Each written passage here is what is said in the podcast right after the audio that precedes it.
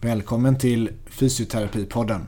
Sveriges största podd om fysioterapi. Det är jag, Kalle, som har den här podden tillsammans med min vän och kollega Viktor. Och Viktor, vad har hänt sen sist?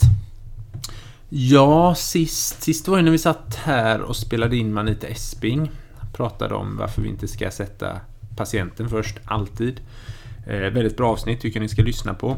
Eh, nej, på jobbet har det väl rullat på ganska mycket som vanligt. Eh, jag var inne på fysioterapiutbildningen i Göteborg några dagar, hjälpte till med lite praktiska moment och praktisk examination inom respirationscirkulation. var väldigt roligt. Eh, faktiskt. Eh, väldigt bra, ambitiösa studenter överlag. Jag blev imponerad. Eh, och nu är det... Ja, vi jobbar på med covid, ska ha student nästa vecka. Annars är det inte så mycket nytt. Hur, eh, hur är det för dig, Kalle? Jo, men det är kul att höra att... Eh, jag, jag har inte riktigt hämtat mig efter den här eh, holmgången vi hade med Det var helt fantastiskt. Ja. Jag var utpumpad flera dagar efteråt. Det är kul att höra att studenterna är duktiga, att de är ambitiösa. Eh, för mig har det hänt en hel del saker. Jag har både skaffat ny frisyr och nytt jobb som ska börja på alldeles strax. Mm. Så det är en liten physio makeover här. Känns som jag sitter mitt emot Dustin Poirier för er som är lite bevandrade i MMA. Det är så Kalle ser ut nu. Och hade ni följt oss på Instagram, eller ni som gör det, så har ni sett Viktors bilder från examinationen. Mm, just det. Mm. Idag då så har vi ju eh, en ny gäst. vi är redo för en ny holmgång. Det blir ju årets lite grann final det här året, den här gången också. Och det är dags alldeles strax för På länk. Presenterat av tekniksnillena Kalle och Viktor. Högsta hönset, fackordföranden Stefan Jutterdal. Vi hoppas ni får ut lika mycket av denna pratstund som vi fick och eh, vi ska också säga att som vanligt så görs ju den här podden möjlig av HMC Sverige. Eh, vilket vi är väldigt tacksamma för. De kämpar på i covid-tiden med sina förflyttningsutbildningar, gör ett väldigt gott jobb med det. Så att eh, homesisverige.se kan ni kolla in deras hemsida. Trevlig lyssning. Nu är det dags för Stefan. Så då är vi jätteglada att få hälsa Stefan Jutterdal välkommen till eh, Fysioterapipodden. Ja, men tack för det. Jätteroligt att vara med. Härligt. Och vi kör via länk så vi hoppas att tekniken är med oss. Vi brukar ju alltid säga och kalla att vi är bättre på fysioterapi än teknik. Men vi får se. Vi hoppas att det ska vara okej okay ljud idag ändå. Eh, jag tänker Stefan att vi kastar oss direkt in i vår faktaruta vi brukar börja med. Eh, namn? Stefan Jutterdal. Ålder? 64. Eh, varför valde du att läsa till fysioterapeut? Alltså det var ganska öppet när jag skulle välja yrkesbana. Eh, jag tror det beror på att jag hade ett väldigt stort idrottsintresse. Jag var elitidrottare som ungdom. Jag var diskuskastare och kulstötare. Jag tror det påverkade mig ganska mycket. Jag hade tränat mycket och gått träningsledarutbildningar. Då låg det här som ett alternativ. Men jag hade andra alternativ, till exempel präst och lärare. Men det blev sjukgymnast. Ja, det är ju kommit sen. Det är yrken som nog ligger närmare varandra än man vid en första anblick kan tro. Var, eh, när var du färdig sjukgymnast? Eh, 1978 i Lund. Mm. Eh, och har du någon från, eh, från din antingen yrkesverksamma liv som kliniker eller som inom fackbanan sådär, någon liten eh, rolig, pinsam, dråplig historia med någon patient, kollega, ja, lite vad som? Det finns nog en hel del att plocka av, men ska jag välja någon i det här sammanhanget så var det, när jag var nyutbildad så, eh, så arbetade jag på avdelningen för fysikalisk medicin i Lund på professorns klinik. Det var Ulrik Moritz. Han var för den delen den enda eh, professorn i sjukgymnastik som fanns i Sverige då. Och han är ju läkare. Eh, men på den tiden var det så. Det var ju inte så att vi kunde forska som sjukgymnaster på den tiden. Jag var i alla fall placerad på hans klinik och där testade man TNS. Den hade just kommit då. Transkutan nervstimulering och det var stort och det var någonting som skulle, eh, man skulle testa och då blev jag utskickad till en klinik där en väldigt svårt sjuk eh, kvinna låg och eh, jag skulle försöka hjälpa henne med smärtlindring. Jag tog på mig hela skyddsmundering. Det skulle kunna varit coronamodellen eh, för det var totalt. Hon var infekterad, infektionskänslig och så. Och så var det inte bättre att precis när jag skulle börja så puttade jag till sängbordet och där stod det en dyrbar parfymflaska. Som förstås åkte i golvet och den här spraykorken den hoppade iväg under sängen. Och Plikttrogen som jag är så kröp jag förstås under sängen i hela den skyddsmunderingen. Eh, och just när jag ligger där under sängen så kommer patientens man in och han blev väldigt upprörd för att hitta en främmande man under sängen där. Det var inte någon jättekul grej, men pinsam, ja. Ja, det kan hända mycket på kliniken. Du hann förklara missförståndet i alla fall innan det... Ja, då, det, det hann jag.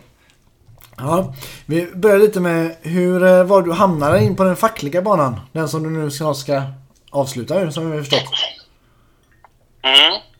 Så jag jobbade som sjukgymnast i, i Lund ett par år. Sen flyttade vi till Småland, till Oskarshamn och då började jag direkt engagera mig i distriktsstyrelsen.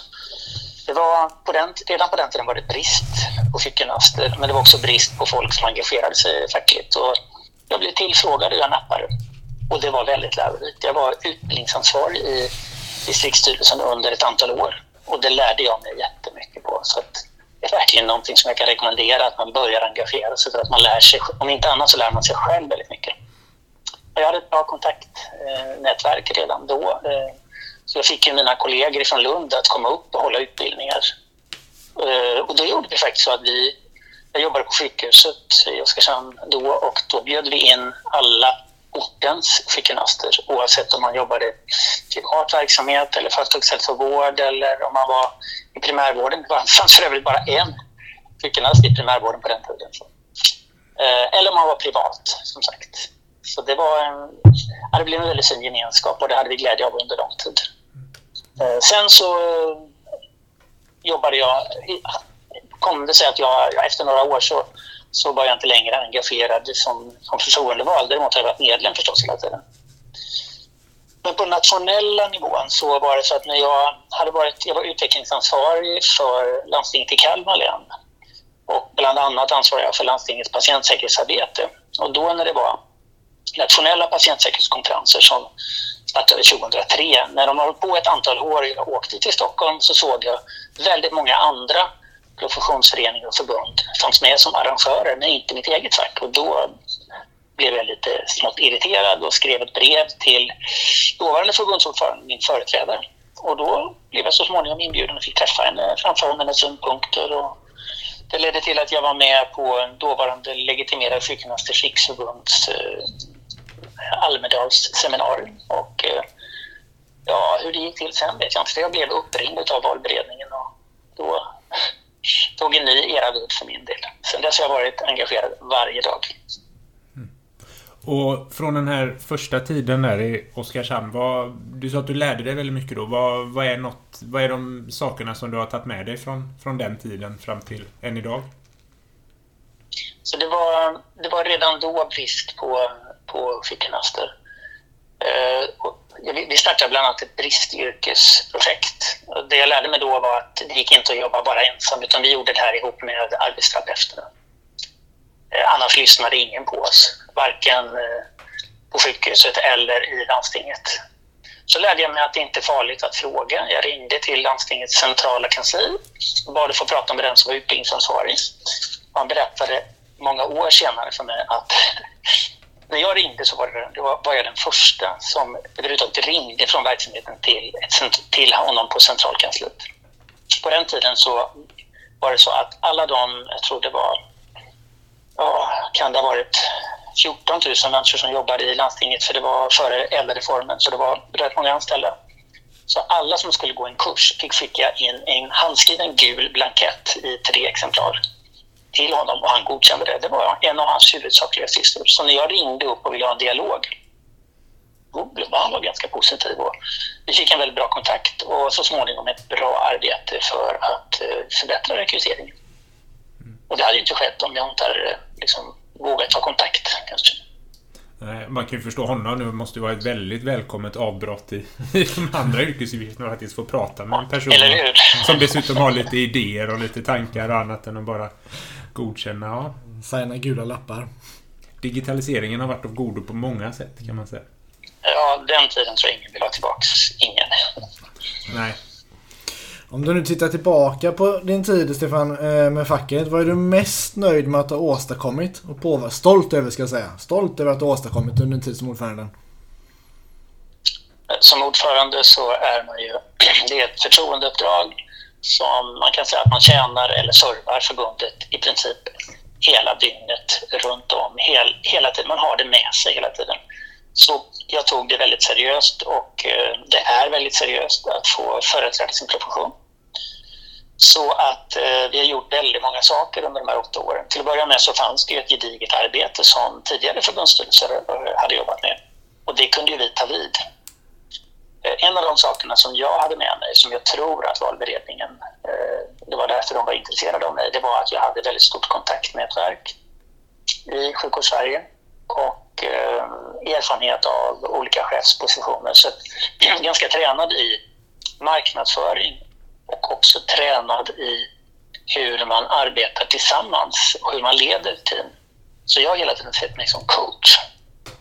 Och det jag är gladast för det är att vi faktiskt har lyckats med att ta plats i sjukvårdsdebatten på ett sätt, nationellt pratar jag nu, på ett sätt som eh, vi inte gjorde tidigare. Vi bestämde oss ganska tidigt i förbundsstyrelsen 2013 för att bli ett förbund som skulle gå från att vara ett förbund som ständigt får jaga för att få vara med till att bli ett förbund som ständigt och jämt är efterfrågat, som är självklart.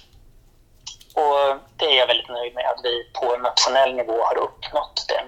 Idag vet jag att beslutsfattare vet och tycker att vi är ett trovärdigt förbund, att vi vill jobba med samverkan och att vi driver frågan om att investera i hälsa, det är att investera i framtiden. Det är jag stolt för. Och jag tänker här, det du kommer in på här med påverkansarbete som jag tänker är en väldigt stor del såklart av det, av det fackliga på nationell nivå. Att, att även om man kan, det räcker ju kanske inte bara med att ha en bra ståndpunkt eller ha rätt. Nu, både för mig och Kalle och även för våra lyssnare så tänker jag att du på ett sätt predikar för kören med att eh, fysisk aktivitet är bra och viktigt att ha till exempel. Men det är ju en annan sak att få andra människor och kanske beslutsfattare som har väldigt många som pratar i deras öra och många som tävlar om uppmärksamheten att få att få lyckas påverka där. Ehm, jag tänker om du skulle beskriva lite hur den... Du nämnde att du har ett stort kontaktnätverk, men hur, hur liksom det går till, hur man utnyttjar det. Man kan ju ta till exempel vårt eh, namnbyte. Den uppmärksamma lyssnaren kanske tänkte på att vi pratade om sjukgymnast i början när du pluggade till sjukgymnast. Och numera så är du ju fysioterapeut. Om du använder det kanske som praktiskt exempel, hur går det till från att man har en idé? Är det lobbyorganisationer man hyr in? Gäller det att känna rätt personer? Är det alltid i tjänsten eller är det på den där middagsbjudningen hos gemensamma vänner som man råkar nämna att du förresten, här har vi en grej vi har börjat tänka på, eller hur? Hur går det där påverkansarbetet på nationell nivå till för oss som inte alls rör oss i de kretsarna? Mm. Jag tror att eh, det finns inget enkelt svar på det. För det är, ganska, det, det, är ganska många saker man behöver tänka på och göra. Eh, man behöver göra många saker samtidigt och man måste veta vart man vill. Så för min del så har jag tänkt att vi måste veta vart vi vill. Det var som jag berättade om, att vi vill, vi vill bli ett förbund som räknas med. Eh, just när det gäller namnfrågan kan jag känna att jag inte liksom... Vi har jobbat med den, eh, vi har drivit den, men känner att vi, ja, man, man, skulle nog behöva jobba mer med den. Då. Men den har ju sin speciella bakgrund. Den kommer ju inifrån vår egen profession. Jag vet inte, jag har inte lyssnat på alla programmen, men jag känner säkert till att, att eh, namnbytet är redan på 1950-talet så la en ordförande, dåvarande ordförande i i vårt förbund ett förslag vid sittande möte på att man skulle byta namn på förbundet. Det är klart, det måste ju vara lite eh, sådär liksom omtumlande så att nej, det blev, eh, hon, hon blev nedröstad om jag förstår det rätt i sin, i, i sin styrelse då. Sen så har man hållit på och diskuterat denna fråga sedan 50-talet tills 2012 när det togs ett beslut i den kongressen där jag valdes. Så det togs innan jag tillträdde det beslutet. Så det jag hade att göra det var att försöka effektuera det som kongressen hade kommit fram till. Man kan inte säga att kongressen, alltså om vi hade varit, jag tycker nog att det är bra, var bra att vi bytte namn, men vi skulle ha gjort det tidigare. Mm. Eh, och vi skulle ha varit lite tydligare i våra formuleringar långt tidigare. England bytte till exempel namn eh, 1943, mitt under andra världskriget. Mm. Tyskland bytte på 90-talet, så när Berlinmuren föll så fick Västtyskland anamma sig till, till Östtysklands hållning och så vidare. Så Tyskland bytte långt tidigare. Mm. Danmark, Norge och så. Så, äh, vi var inte riktigt snabba på bollen där. Mm. Så det, det, det, gör att den frågan är svårare att driva, för den måste vi driva både inåt mot oss själva och utåt mot andra, om ni förstår vad jag menar. Mm. mm. Eh, men annars när det gäller påverkansarbete så gäller det att sätta upp ett mål mm. så att man vet vart man ska. Och sen bygga in en strategi i det ledargänget som du jobbar med så att man vet hur man ska jobba. Inte så att man har en strategi som står i bokhyllan utan så att man lever efter den. Och sen ska man se till att kanalisera ledningens fulla uppmärksamhet till det man vill uppnå. Som, om jag jämför med tidigare när jag jobbade i landstinget så om man till exempel vill förbättra tillgängligheten, ja men då måste man redovisa tillgängligheten för den högsta ledningen i alla nivåer. För politiken, för tjänstemannaledningen och för, på verksamhetsnivån. Till exempel alltså till landstingsstyrelsen, till, till sjukhusdirektören och till verksamhetschefen. Och alla måste vara samstämda i det där eh, budskapet och det fattar man ju, det är inte så lätt. Så det är en väldigt svår fråga. Ibland tror jag att många tänker att nej, det är bara att knacka på och sen så är det klart. Eh, jag har fått lära mig att en god taktik är att när man uppvaktar beslutsfattare om sådana saker, att mm, man måste möta dem där de finns och sen ska man inte lägga problem i knät utan lägga möjligheter i knät. Så om man vill uppnå någonting, men då ska man ge dem en möjlig väg. Så här skulle man kunna göra. Och helst säga så här, och vi kan gärna bidra till det. Ja, men då kanske de blir lite intresserade och att man får ett vinna-vinna-tänk. Mm. Eh, det, det, är några av de viktigaste eh, sakerna. Men det sker inte av sig självt och kommunikation är jätteviktigt som jag ser det ur det här perspektivet.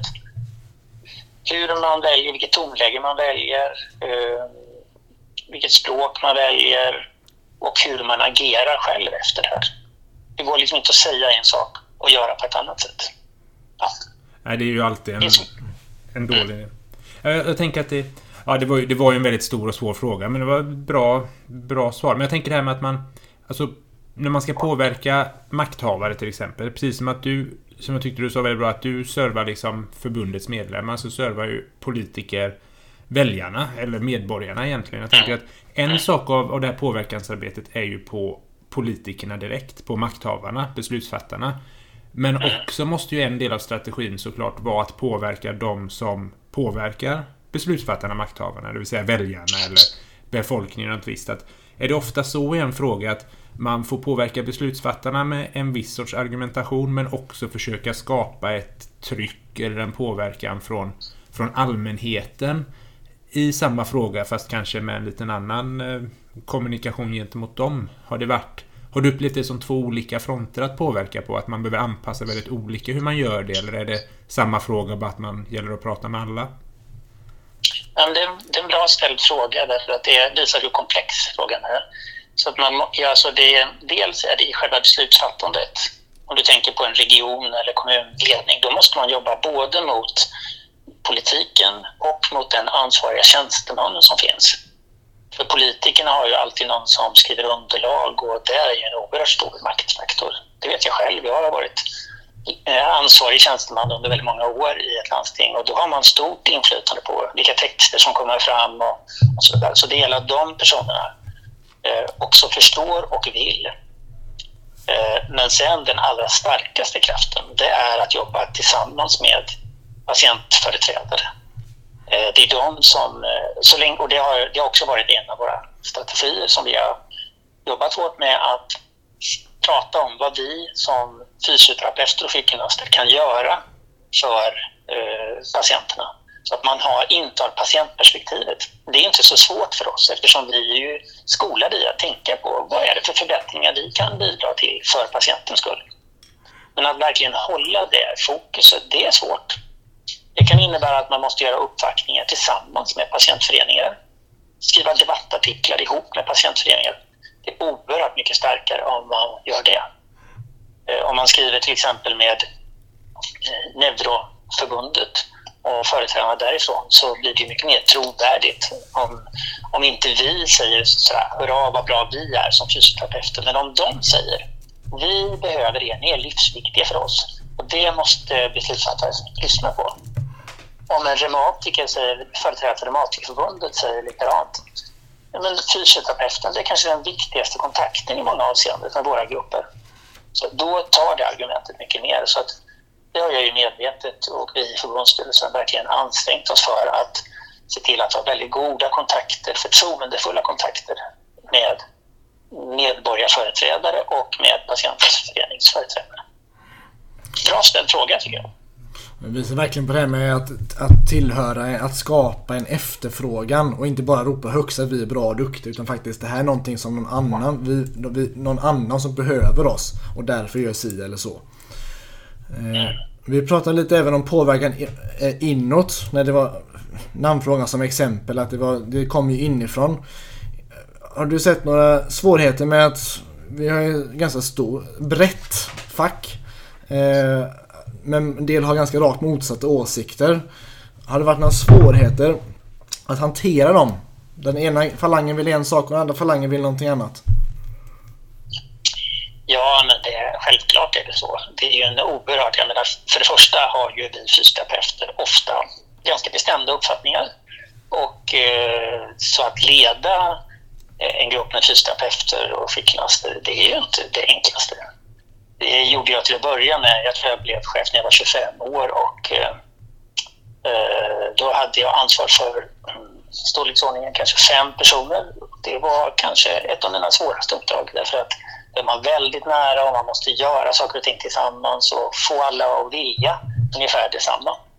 Men så jag känner väl till att det är verkligen eh, det, det, det, finns olika uppfattningar, men så ska det också vara.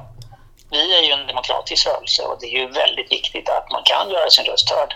Så jag ser inte det som något bekymmer egentligen, utan att det är ganska bra och välgörande att man luftar åsikter. Det som är viktigt är att man gör det i god ton. Så som jag sa, man ska inte lägga ett problem i, i knät på någon som jobbar för det eller som vill det, utan man ska vara konstruktiv och bidra i det hela.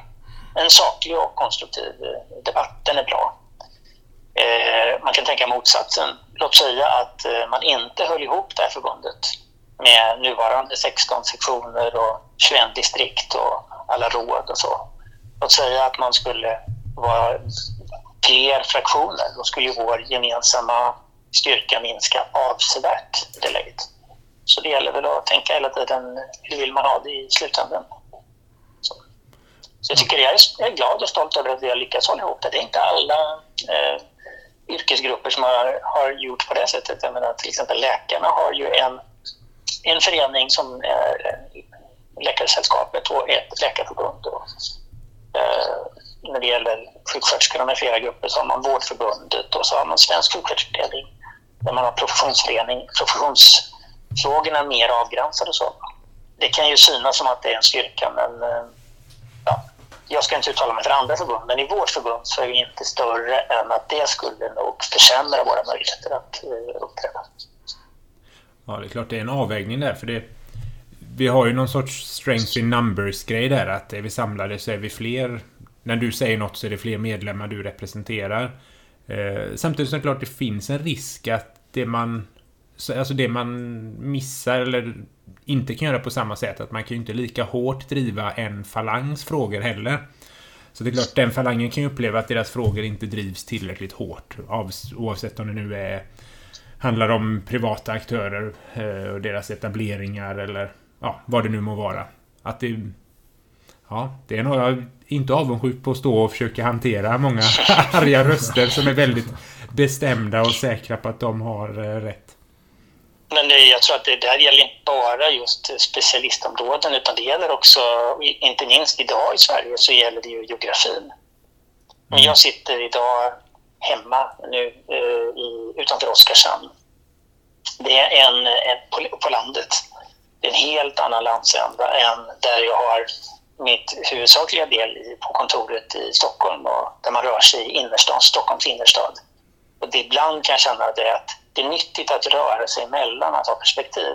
Därför att de frågorna som människor diskuterar i Oskarshamn är inte de samma som många människor diskuterar i Stockholm. Om man är i Stockholm så är det ganska lätt att man har lösningen för hela landet.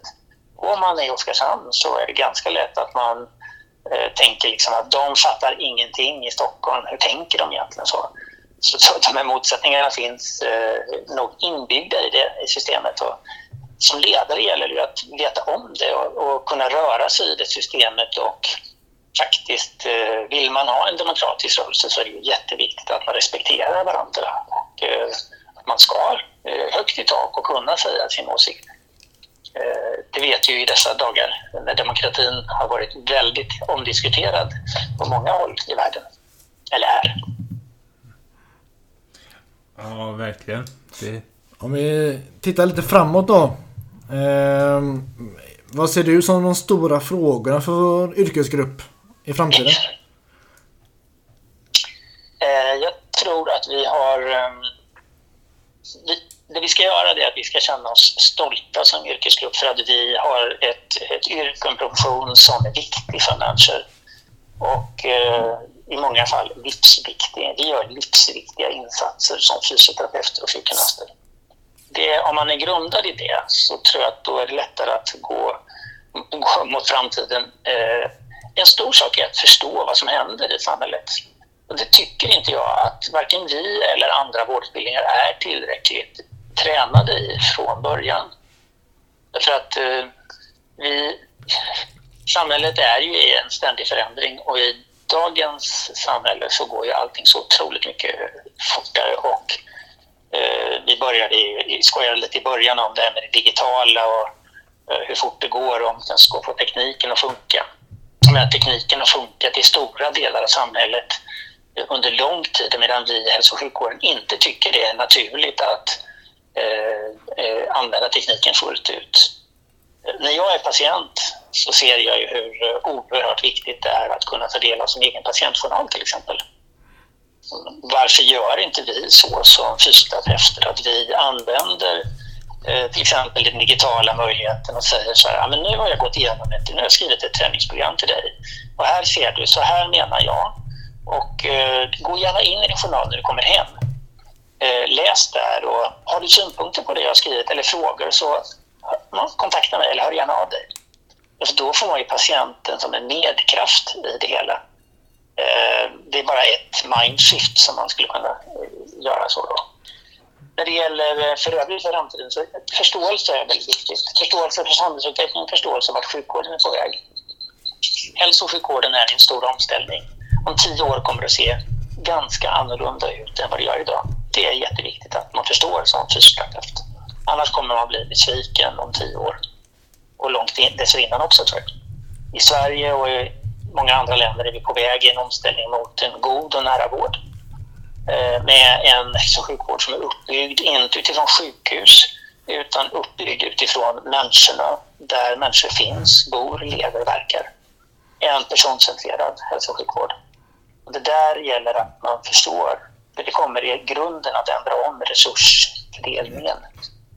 Och en väldigt viktig del i det är att ställa om så att man väldigt tidigt är inriktad på att ta med patienter i sin egen vård. Och det är vi egentligen väldigt väl förberedda för tycker jag. Men eh, systemet, hälso och sjukvårdssystemet är inte det. Så det, det gäller att hänga på det. Eh, om man förstår det, vart vi är på väg och arbetar på det, då, då kommer det att underlättas. Då ser jag positivt på det. Man måste också förstå att hållbar utveckling är en väldigt, väldigt viktig del för framtiden. Utan hållbar utveckling så kommer vi inte att ha någon hållbar hälsa och hållbar välfärd. Eh, det, även där tror jag att vi har, vi har eh, synsätt och metoder som är väldigt användbart. Vi kan främja fysisk aktivitet mycket, mycket mer än vad vi gör idag. Och där kan vi ta ledningen i det här och det hoppas jag att, att förbundet fortsätter att verka för eh, i framtiden. Jag tänker på en, en väldigt konkret fråga som ändå kommer in lite i det här du pratar om nu. Jag tror att det det håller med om det mesta som du säger om hur vi verkligen måste förändra oss kring någon sorts patientcentrering, eh, se vad, vad folk vill ha och sådär. Men jag tror att vi som fysioterapeuter överlag inte håller med om det. Det tänker jag lite våra arbetstider.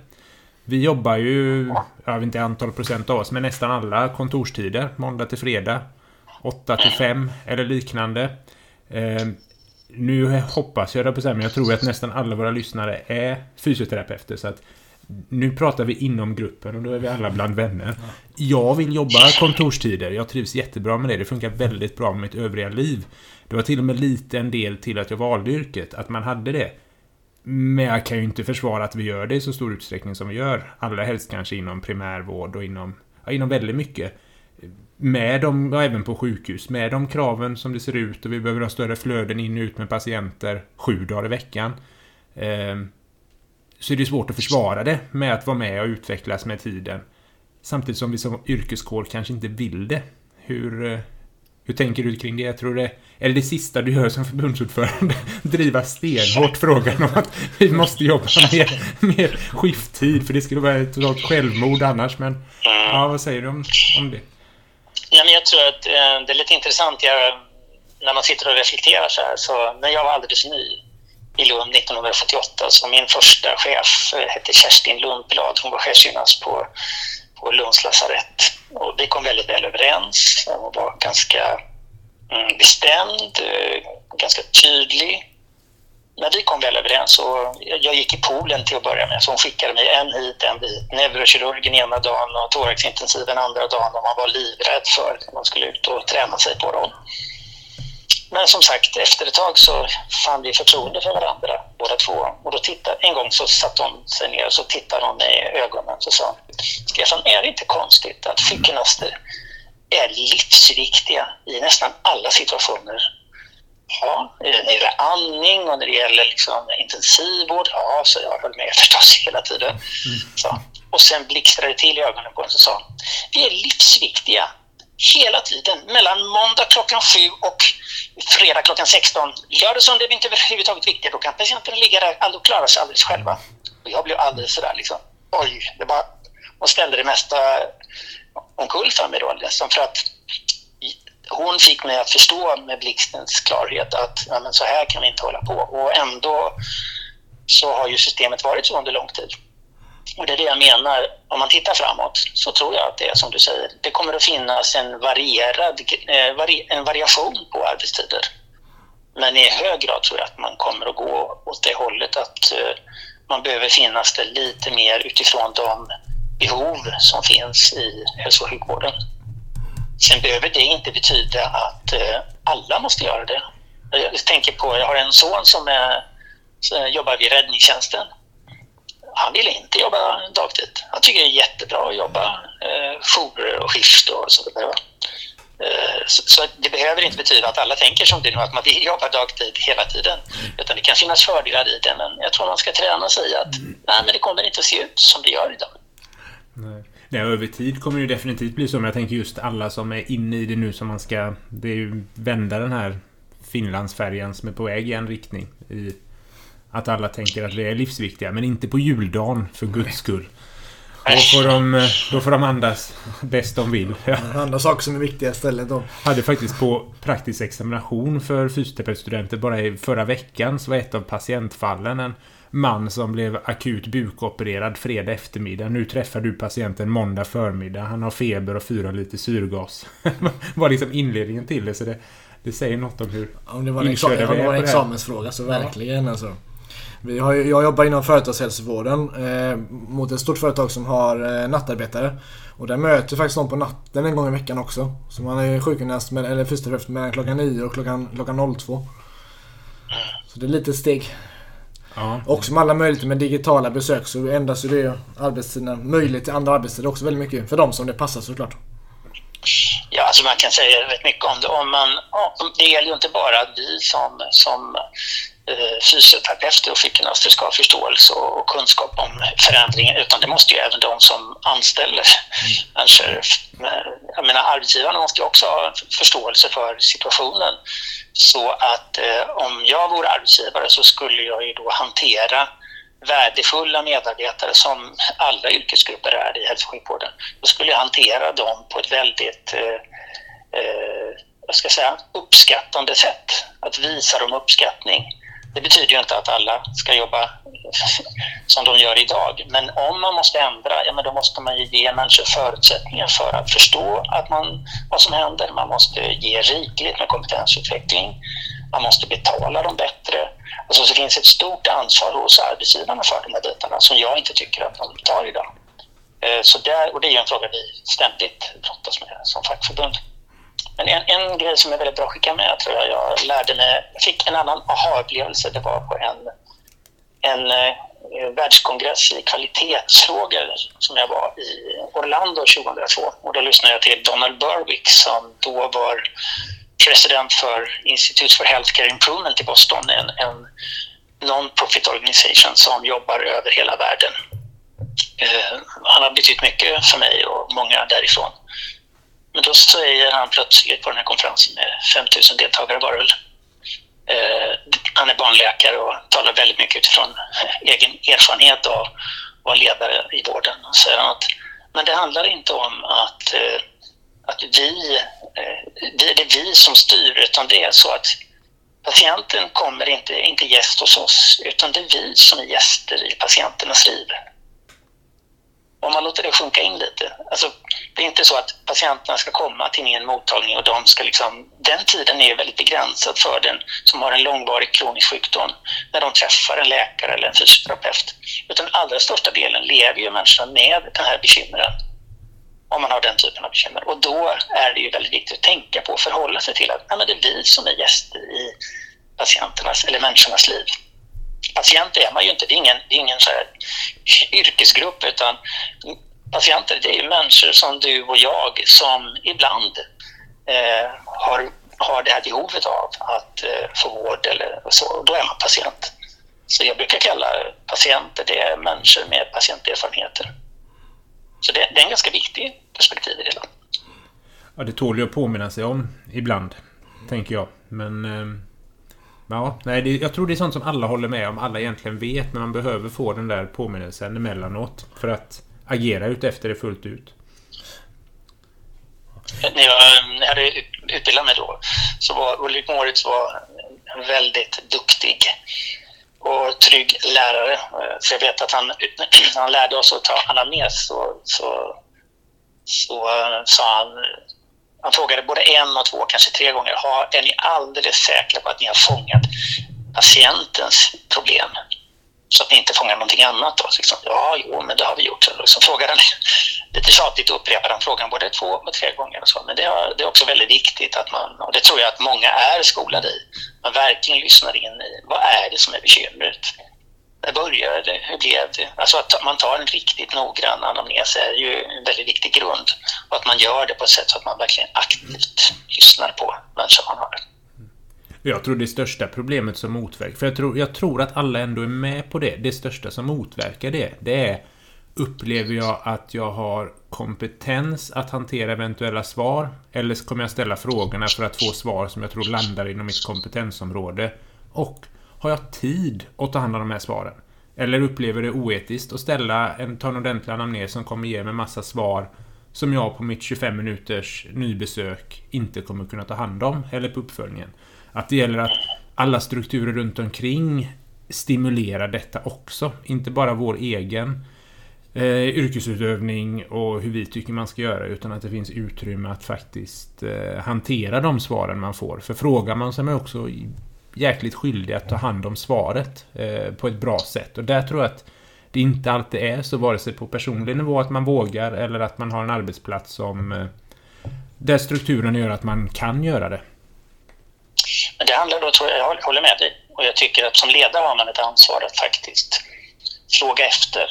I, idag görs det alldeles för många organisationsutredningar utav konsulter som kommer in i företag och organisationer eh, utan att man kanske som ledare, eh, högst ansvarig, själv har ställt frågan.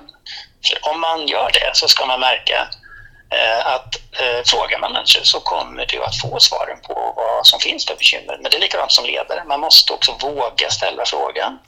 Det tycker jag man har en absolut skyldighet att göra. Det gäller att hela tiden hålla ordning på vem som är till för vem. Det är nämligen så att, som jag ser det i alla fall, så ska man som ledare skapa förutsättningar för andra för att kunna verka. Det är inte så att någon jobbar åt en, Utan man ska se till att man skapar förutsättningar för att de ska kunna uppnå det som de ska. Det här är, ledarskap är oerhört intressant och uppmärksamhet är en av de allra viktigaste sakerna. Jag skrev en uppsats en gång i tiden som var ungefär så här. Ledarskap, uppmärksamhet är ledarskapets valuta. Attention is the currency of leadership. Och eh, det kan man fundera på. Det, tänk så enkelt om man, om man använder uppmärksamhet. För många av våra medlemmar känner sig inte alls tillräckligt uppmärksammade utav eh, sina chefer. Och de cheferna de har känner sig säkert inte heller tillräckligt uppmärksammade av sina chefer och så vidare. Så det är något som går igen i, all, i alltihop. På, många, på vissa håll fungerar det alldeles utmärkt men det finns, finns allt för mycket där att, att jobba med. Mm, ja, vem är till för vem ska man, ska man fråga sig ofta. Och just det tyckte jag var bra i början som sagt att du sa att det, du servar medlemmarna, inte, inte tvärtom höll jag på att säga. Men, äh, verkligen, verkligen. Nej men nu pratar lite mer framåt så eh, det, viruset är överallt. Eh, du hade en, debatt, en debattartikel var det väl om fysisk aktivitet under pandemin. Eh, vill du utveckla lite om, om, omkring den? Ja, generellt sett så det, det störde mig och många i, i början av pandemin att eh, eh, så det blev ju en, en, en, krisreaktion så att man tänkte bara på det akuta. Eh, man tänkte på att minska smittspridningen, att ta prover och tester och man jagade efter att få fram vaccin. Och samtidigt så sa man till, som man kallade de äldre, att slå en ring runt de äldre. Det är ju ingen bra språkbruk. Och man gjorde det säkert inte medvetet, men det tog lite tid innan man väl började förklara för människor att nej, men du behöver inte vara hemma och sitta inne hela tiden. Det, du, du, du får gärna röra dig. Och det där har vi försökt att driva i flera debattartiklar. Det är ju snarare så att man borde komplettera råden som finns, eh, att tvätta händerna, stanna hemma och så vidare, med att se till att röra dig minst en halvtimme om dagen med fysisk aktivitet. Eh, och då, då kom ju det där liksom... Eh, jag vet att när jag började som förbundsordförande så fick jag frågan ganska tidigt, eh, 2013 där. Jaha, hur tjänar du själv då, Stefan? Och du vet, det var ju liksom sådär. Jag hade ju jobbat som tjänsteman på landstinget under lång tid. Det var ingen som hade ställt den frågan till mig på ganska lång tid. Så det var en väldigt nyttig fråga. Eh, det var... Eh, så jag började fundera på det och började försöka göra någonting åt saken och ting Eh, nu under pandemin så, eh, så har jag faktiskt eh, känt att jag hade inget val, jag är i riskgrupp. Jag råkade ut för ett hjärtstopp efter en hjärtinfarkt 2017. Och det höll ju på att ta en ände med förskräckelse för min egen del. Då. Och efter det så är man väldigt noggrann med att försöka göra vad man kan för sin egen hälsa. Det är inte så att jag hade ju gjort det innan också, men inte tillräckligt mycket tror jag. Och i vilket fall så gör jag det ännu mer eh, nu då. Så att eh, för min del så har det inneburit att sedan i mars månad, egentligen faktiskt någon månad tidigare också, så har, börjar jag varje dag med att ta en timmes promenad. Eh, och det betyder, alltså jag har satt upp ett mål då, 10 000 steg om dagen och därutöver så tränar jag två gånger i veckan. Och, Eh, med lite styrketräning och jogga lite. Så.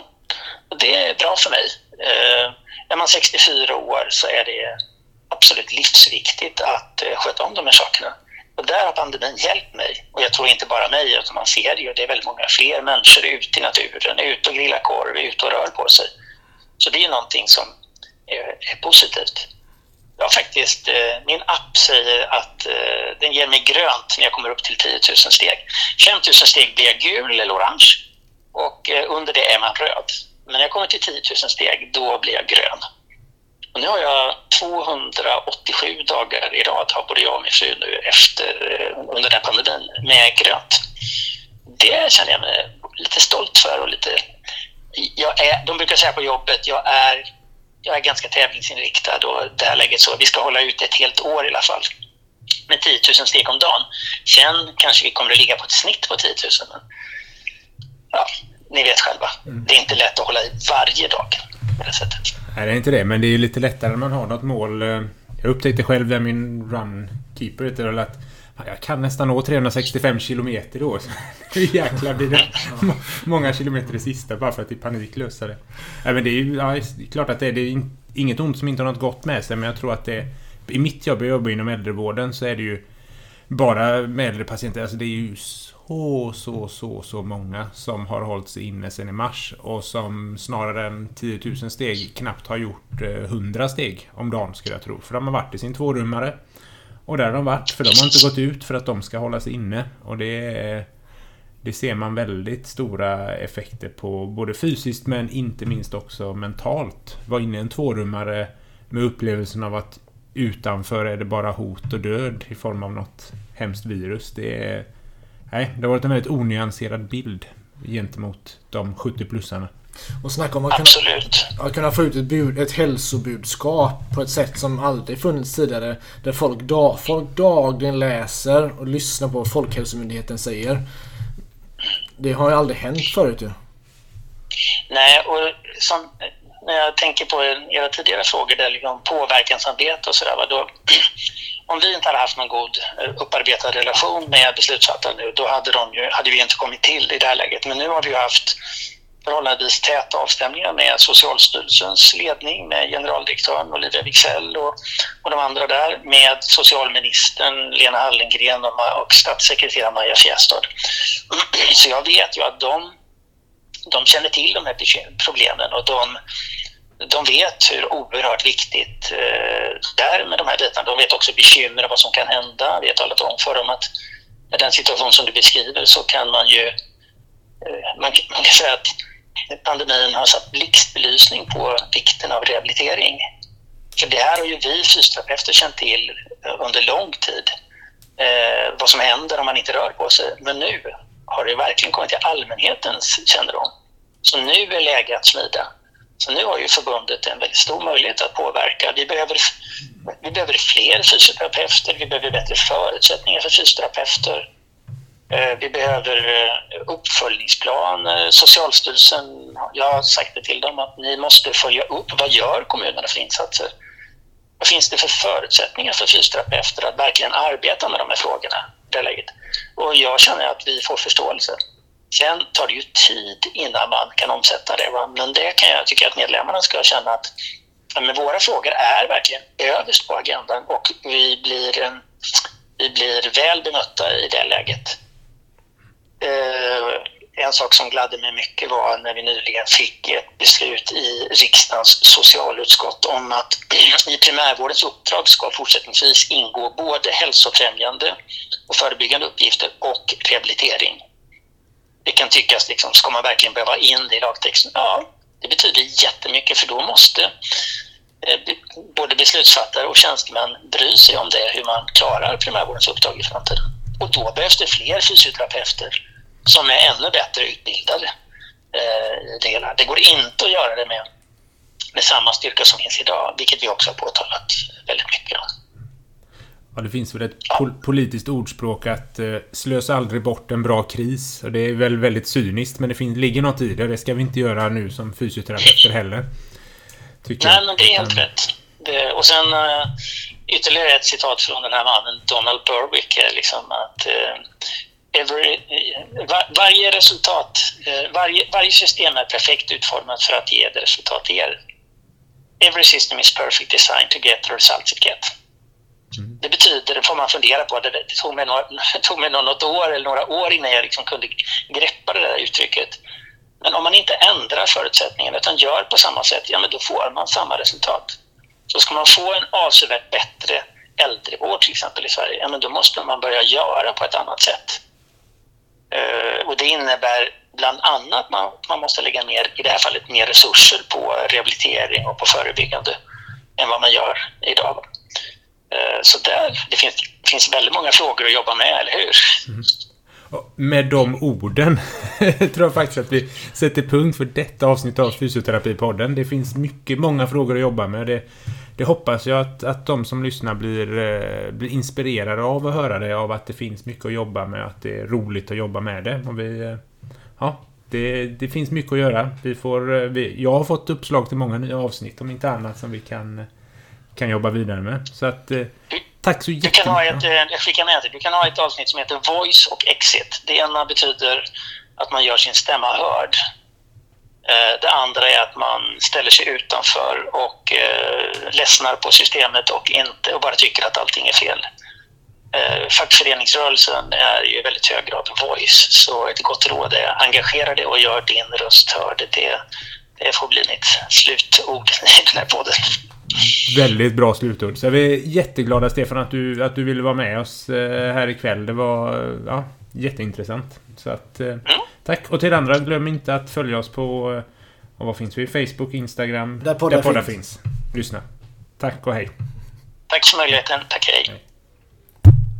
Sådär, nu är vi inte eh, riktigt live längre. Nej. Ja, gick det, höll ljudet hela tiden eller? Ja, det var jättebra. Det ser ut att ligga perfekt hela tiden. Så